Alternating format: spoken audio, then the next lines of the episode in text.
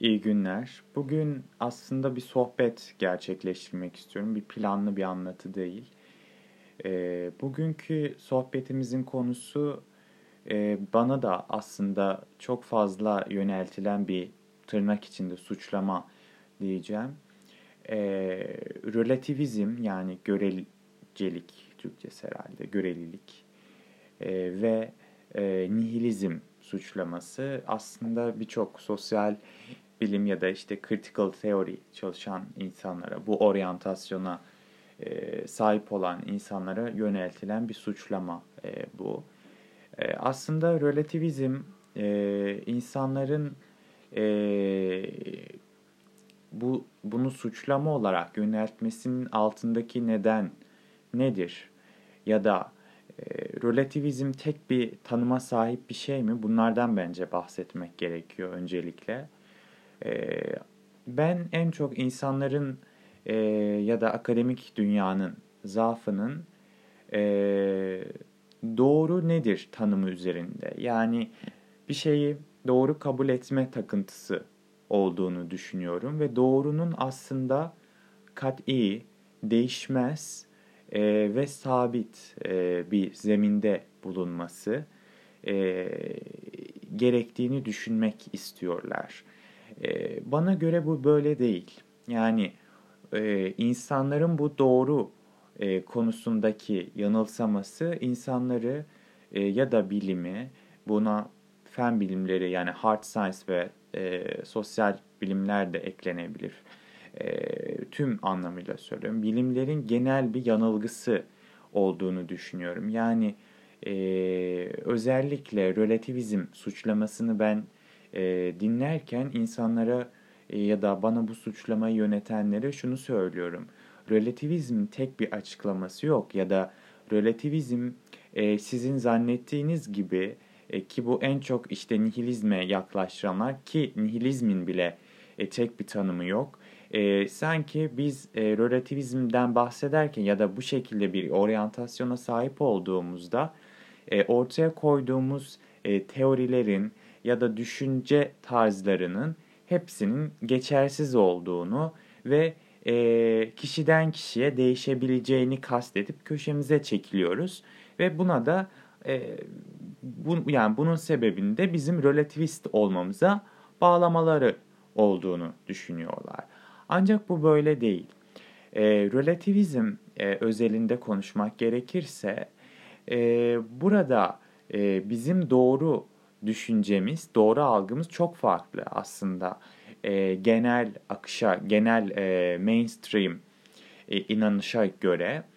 E, çünkü e, ben açıkçası kendi açımdan baktığım zaman e, doğrunun e, zaman, mekan, e, zaman ve mekana göre, e, bağlama göre, e, kullanılan dile göre e, farklı şekillerde tayin edilebileceğini söylüyorum ve bu e, aslında e, bir kenara çekilme, bir geri çekilme hareketi e, değil. Çünkü bu şekilde bir düstur edindiğiniz zaman e, olayları yani doğru kabul edilen birçok olayı e, tırnak içerisinde katli ve değişmez olarak kabul edilen birçok olayı daha kritik yönden ve daha e, etik yönlerinden görmenizi sağlıyor. E, bu bir acziyet değil ki bu acziyet olarak görülüyor e, benim gözlemime göre relativizm. E, ama dediğim gibi relativizmi de tek bir kefeye koymak e, ve bunu e, bir kitleleştirmek özellikle kritik e, düşünen, critical teori oryantasyonu ya da post yapısalcı e, ya da e, inşacı çalışmalara e, oryantasyona sahip akademisyenlere bu tür suçlamalar diyorum buna. Çünkü suçlama olarak yöneltiyorlar. Sanki bu bir suçmuş gibi. Bunları ben asıl acziyet olarak görüyorum. Çünkü ama e, ben e, onlar kadar bu konuda e, şey düşünmüyorum. Yani e, acımasız düşünmüyorum. Onları da anlıyorum. Çünkü e, insanın yapısı gereği aslında genel olarak toplumda yaşadığımız toplum bize e, daha e, yere sağlam basmayı, bu gibi düşüncel, düşünsel olarak da ve bir güvenlik duygusu arayışı var insanlarda. Yani sığınacak bir liman ve bir tutamaç noktası arıyorlar. İşte bu da e, doğru düşüncesinin, konseptinin e, katli, katliyetinden geliyor. Yani kesin bir yargı olması gerekiyor doğru onlar için. Bunu e, birçok e, gündelik yaşantımızın birçok yerinde e, aslında görüyoruz. İnsanların kafasında e, demokrasi kavramı mesela e, tam olarak e, bir e, herkesin katli bir kesin yargısı var ama herkesin demokrasi tanımı farklı. Yani e, ve bu aslında e, sorgulamaya açılmıyor. Yani birini antidemokratik olmakla suçladığınız zaman e, demokrasi kavramının kime demokrat diyeceğiz, e, kime antidemokrat diyeceğiz. İşte bu e, parametreleri kim belirliyor? Bunları sorgulamak. E, insanlara, bunları sorgulayan insanlara ise relativist ya da daha halk ağzıyla yani oyuna çomak sokan e, kişiler olarak görülmesi aslında e, ben e, bu doğruluk, doğruluğun katliyeti e, saplantısının bir eseri olarak görüyorum. E, bunu belki sosyal bilimlerde çok fazla görüyoruz ama e, genelde e, fen bilimlerinin de bize yönelttiği suçlama e, kendi e, disiplinlerinin çok kesin bazı yargılar, e, doğruluk e, noktaları, katliyet belirtmesi ve bunu sosyal bilimlerde göremediklerini e, savunmaları. Tabii ki bu eleştiriye birkaç noktadan cevap verebiliriz. Birincisi e, bizim e, ele aldığımız konu insan. Sosyal bilimlerin konusu öznesi insan. E, insan çok zaten e, karmaşık bir yapı ve biz bunu e, suyun 100 derece kaynaması gibi katli e, bazı yargılarla ifade edemiyoruz. Bu da aslında e, ben bunu kendi yargım olarak kabul etmiyorum. Çünkü e, sosyal bilimciler bunu bu şekilde açıklarken aslında e, fen bilimcilerin ya da toplumun genel tarafından konulmuş doğruluğun katliyetle olan ilişkisi tanımını kabul ederek bu açıklamayı ya da savunmayı yapıyorlar. Ben kendilerine e, fen bilimcilere şunu söylüyorum. E, özellikle 20. E, yüzyılda keşfedilmiş en büyük e, teori ki fen bilimlerini de e, bu konuda e, büyük bir tartışmaya iten teori aslında e, Einstein'ın görelilik yani izafiyet teorisi e, ve bunu çok ünlü bir deney olan parçacık deneyinden görüyorsunuz. Gözlemci yerleştirildiği zaman parçacık çok farklı hareket ediyor atom altı parçacık.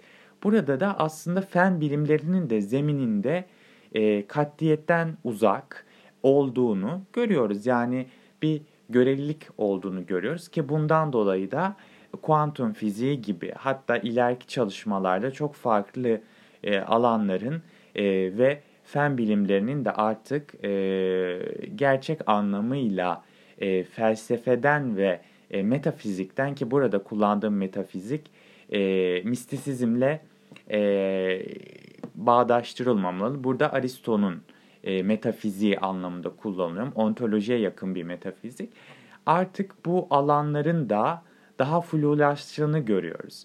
Aslında burada ne sosyal bilimciler ne de fen bilimciler ne de toplumun geneli e, bir kriz içerisinde. Bu krizin nedeni bilimin kendisi değil aslında. E, toplumların doğruluk algısı ve doğruluğu katliyetle aynı anlama geldiğini düşünme yargısı. E, bence burada oturup düşünmek gerçekten e, ve eleştirdikleri e, relativist ya da nihilist olarak suçladıkları e, insanlara bakmak ve onların e, akademik etiklerine, disipliner e, düşünüş tarzlarına tekrar bir dönmeleri gerektiğini düşünüyorum. Çünkü e, biz köşemize çekilen insanlar değiliz. Aslında e, zihnin e, farklı e, bir e, yapısı var ve ben bunu şöyle düşünüyorum. E, zihin de böyle bir anda açılan bir şey değil. Bir şeylerle e, zihin her zaman aslında temas halinde ve bu temaslar bize farklı e, düşünüş tarzlarının açılmasına yol açıyor. Farklı uyanışlara yol açıyor. Ve bunlar e, maruz ola ola ve e, bu etik yargıyı yani ben buna birazcık e, deridacı, deridacı etik diyorum. Bazen bazı kavramları ya da söylemleri ya, da katli doğru olarak kabul ettiğim şeyleri destrüksiyona tabi tutarak ya da işte bir sosyal bilimlerdeki bir metni dekonstrüksiyona maruz bırakmak e, veya yeri geldiğinde inşacı yani konstruktivist bir bakış açısı edinerek e, bir e, teoriyi incelemek gibi birçok relativist kabul edilen oryantasyonların tatbiki neticesinde ortaya çıkacağını düşünüyorum. Bu da insana aslında birçok konuda tolerans sağlıyor. Birçok alanda tolerans sağlıyor. E, bugünkü ben as, benim gözlemledim ya benim inanışımda bu o kadar e, önemli bir mesele ki bugünkü dünyada e, gördüğümüz e, mülteci krizi, e, demokrasi çöküyor mu ki bu bildiğimiz anlamda katli doğru kabul edilen ve idealleştirilen tırnak içinde e, Anglo-Sakson demokrasisinin e, 21. yüzyılda aslında ne kadar e, zayıfladığını görüyoruz. Her geçen gün tırnak içinde antidemokratik birçok rejim ortaya çıkıyor. E, ve bunların tartışmasını nasıl bir zeminde yapacağız? Yani bu sürecin kendisini e, bu tip deridacı bir etik e, ya da tırnak içerisinde relativist bir etik içerisinde bu zeminde mi değerlendireceğiz ki ben diyorum ki bu zemin bize gerçekten çok farklı bakış açıları sağlıyor. Yoksa yine e, eski bildiğimiz, doğru bildiğimiz e, tırnak içerisinde ve belli bazı konseptlere katiyet ya da idea yüklediğimiz e, bir etikle mi yola çıkacağız ki bana göre, benim yorumuma göre bu bize e, sağlıklı bir tartışma zemini sunmayacak. E, açıkçası bunu herkesin düşünmesi gerektiğini gerektiği kanaatindeyim. E, bugünlük böyle bir sohbet e, gerçekleştirmek istedim sizlerle. Size de dinleyicilerim olarak soruyorum. Siz bu konuda e, ne düşünüyorsunuz? E, sizin için aslında e, relativizm dendiği zaman ya da nihilizm dendiği zaman aklınıza ne geliyor? E, ve sizin e, doğrulukla kurduğunuz ilişki ne? Bence bunları hayatta düşünmek çok önemli. E, düşünelim ki daha fazla e, hareket alanı kazanalım. Düşünce ve zihin yapımızda. E, bir dahaki podcast bölümünde görüşmek üzere. Kendinize çok iyi bakın. İyi günler diliyorum.